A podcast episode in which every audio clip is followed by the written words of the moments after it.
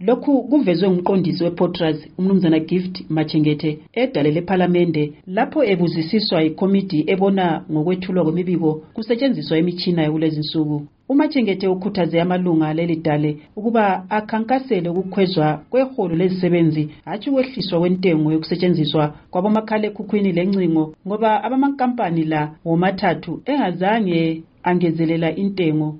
We had to look at uh, the most efficient sakhangela ukuthi bebezohlawulisa malini ngabe kuthiwa basebenza ngendlela eyiyo sibili sibili okuyiyona ntengo esayivumelayo intengo yabo kayifiki kulokhu. The maximum that we get they are not even charging that.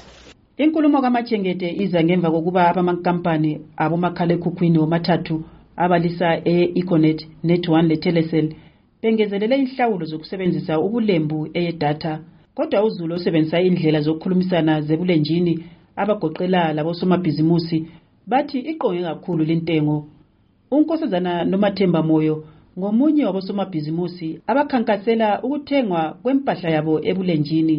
Ndaba le kuphela kwedatha le ayingiphathi kahle ayingihambi eqinisweni ngoba ibhizinesi utsho ukuthi ule bhizinesi wenza ibhizinesi online but then awusakwanisa ukuthi uyenze ngoba ibhajethi yakhona yabe ingasakuvumeli ngoba idatha yakhona sikhwele off. So mna vele lokhu hayi ngidodi nje hayi hayi umnumzana collins ncube isakhamuzi seharare uthi lokhu sokuphazamisa umsebenzi wabo. Intengo yedatha isibisele emuva kakhulu especially um nxa sizama ukuthi sizibhiye indlela esizama ukuthi siziphilise ngayo si-advertise lapha kuma-whatsapp kuma-social media. Manje nxa sokunje akusasebenzeki sokunzima sokudula.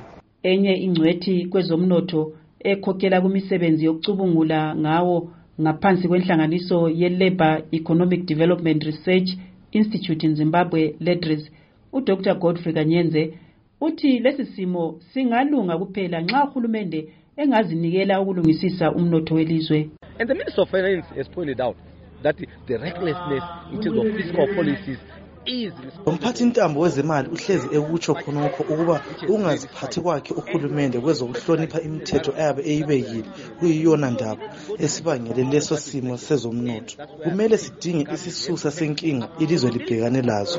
Kungakho sisithi uhulumende kumele azinikele. Sithi thina silomlando uhulumende nguye olomlando omkhulu.